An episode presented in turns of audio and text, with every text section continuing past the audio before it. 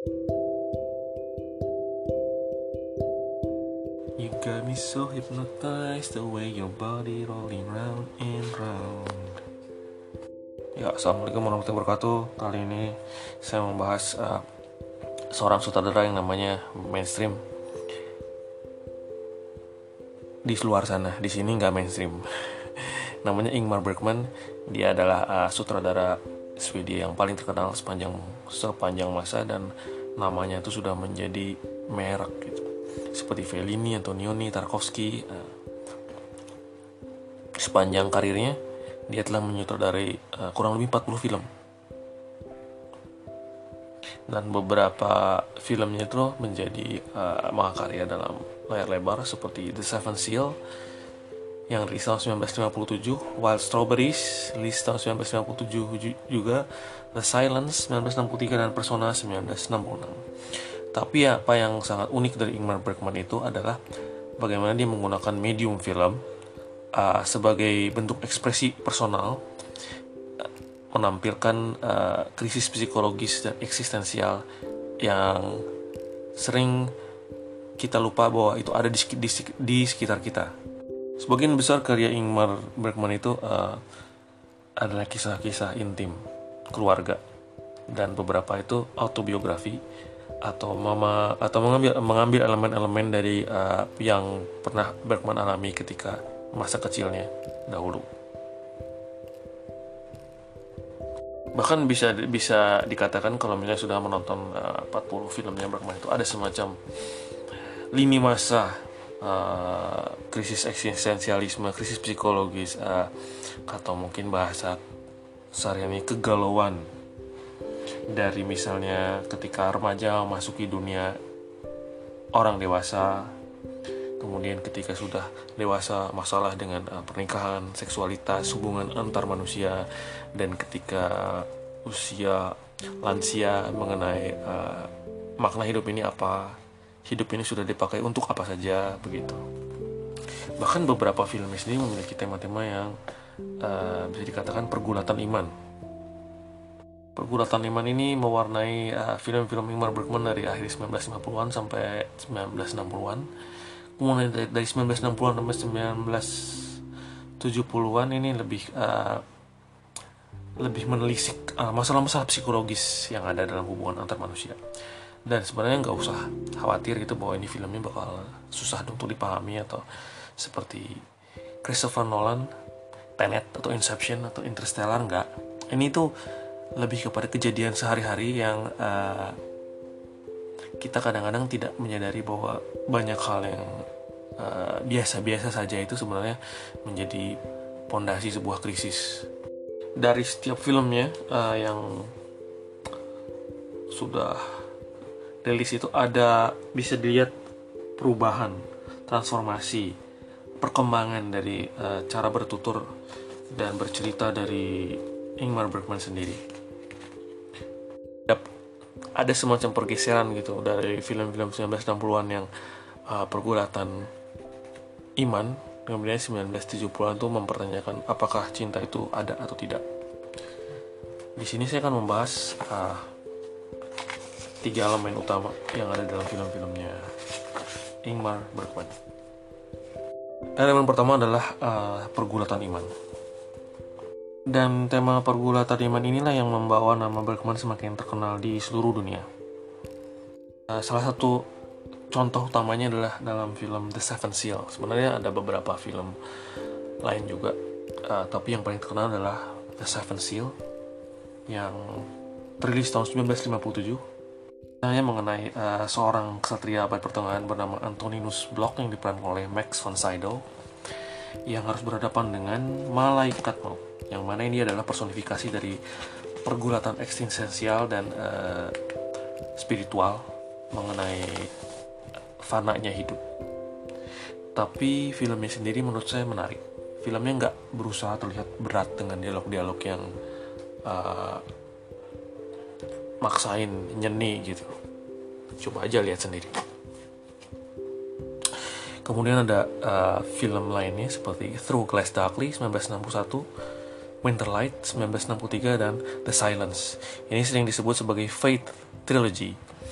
ini bisa bisa dikatakan uh, merupakan puncak dari uh, kegelisahan spiritual Ingmar Bergman mengenai uh, apakah kehidupan di dunia ini uh, surga atau neraka dan uh, bagaimana pertanyaan-pertanyaan uh, spiritual yang sangat mendasar dia pertanyakan lewat film-film ini. Bahkan judul film The Silence sendiri juga uh, sangat penting. Ini seolah-olah menurut Bergman menandakan bahwa uh, pada akhirnya semua orang harus berhadapan dengan kesunyian. Dikatakan kalau menurut pendapat saya itu ini adalah uh, puncak dari uh, karir Ingmar Bergman terutama dari penceritaan, narasi, uh, acting juga serta bagaimana kejadian sehari-hari itu bisa menampilkan sebuah pergulatan spiritual gitu. Jadi ini tidak pretensius kayak film-film tertentu gitu yang berusaha menampilkan pergulatan spiritual itu uh, kalau bahasa Inggrisnya on the nose gitu. Memang kelebihannya Bergman itu tidak semuanya on the nose, semuanya itu tersirat gitu, bukan tersurat. Jadi nggak susah sebenarnya, asal sabar aja nontonnya. Ingmar Bergman bis, uh, harus berterima kasih pada sinematografer Sven Nykvist dengan uh, kejelian Nykvist uh, tone warna dari film-film Bergman ini uh, terwujudkan.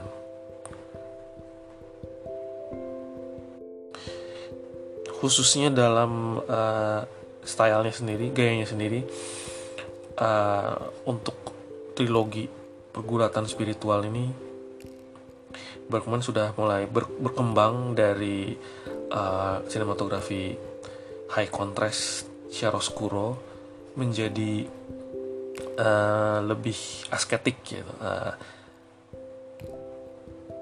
menggunakan close up uh, yang menggantikan uh, peran kekuatan dialog dalam film-film sebelumnya. Dan ini emang uh, susah dijelaskan ya kecuali kalau sudah menonton semuanya gitu. Ini kan hanya penjelasan aja. Jadi tidak aneh kalau misalnya adegan-adegan close up yang sangat lama uh, itu menjadi salah satu ciri khas Ingmar Bergman dan harap dicatat bahwa pada tahun segitu bikin film pakai celluloid celluloid itu tidak ada viewing monitor jadi ketika syuting itu kamu nggak bisa ngelihat hasil syutingnya itu saat itu juga. Kamu harus bawa seluloidnya ke laboratorium harus dicuci secara kimiawi dan kamu baru bisa melihat beberapa hari kemudian. Selain itu seluloid itu mahal jadi nggak bisa buang-buang adegan kalau lagi. Uh, salah dialog atau salah pencahayaan salah blocking. Jadi benar-benar uh, dituntut untuk efisien dan berakting sebagus mungkin. Karena pada saat syuting bahkan sinematografernya uh, sinematografernya saja tidak bisa melihat uh, hasilnya itu apa kecuali dia sudah eh, kecuali dia sudah melihat ketika sudah post production celluloid gitu. Jadi up, jadi visi visi sutradara visi penulis dan visi sinematografer itu tidak bisa dilihat saat syuting hanya bisa dilihat sesudah syuting. Ini membutuhkan uh, kejeniusan ya. Nggak seperti sekarang di mana ketika syuting itu bisa dilihat hasilnya real time dan dan bisa dibetulin juga real time. Nomor 2, elemen yang penting dari film-film Bergman adalah hubungan antara pria dan wanita. Khususnya Bergman itu sangat uh, terobsesi untuk memotret uh, dinamika pernikahan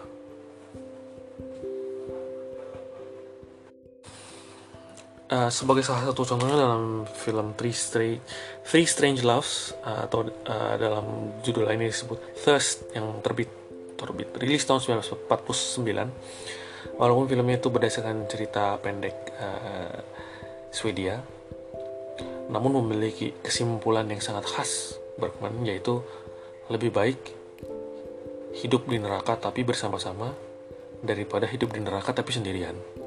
Ironi bukan?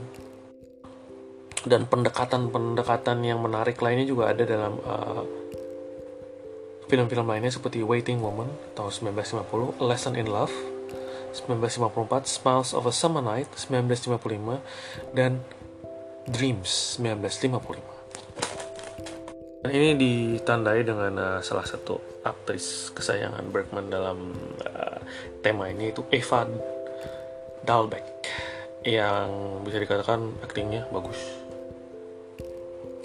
salah satu yang sangat menonjol adalah Smiles of Summer Night tadi sudah disebutkan uh, uh, terjadi pertarungan antara kaum Hawa dan kaum Adam mengenai mana yang sebaiknya mengendalikan sebuah hubungan.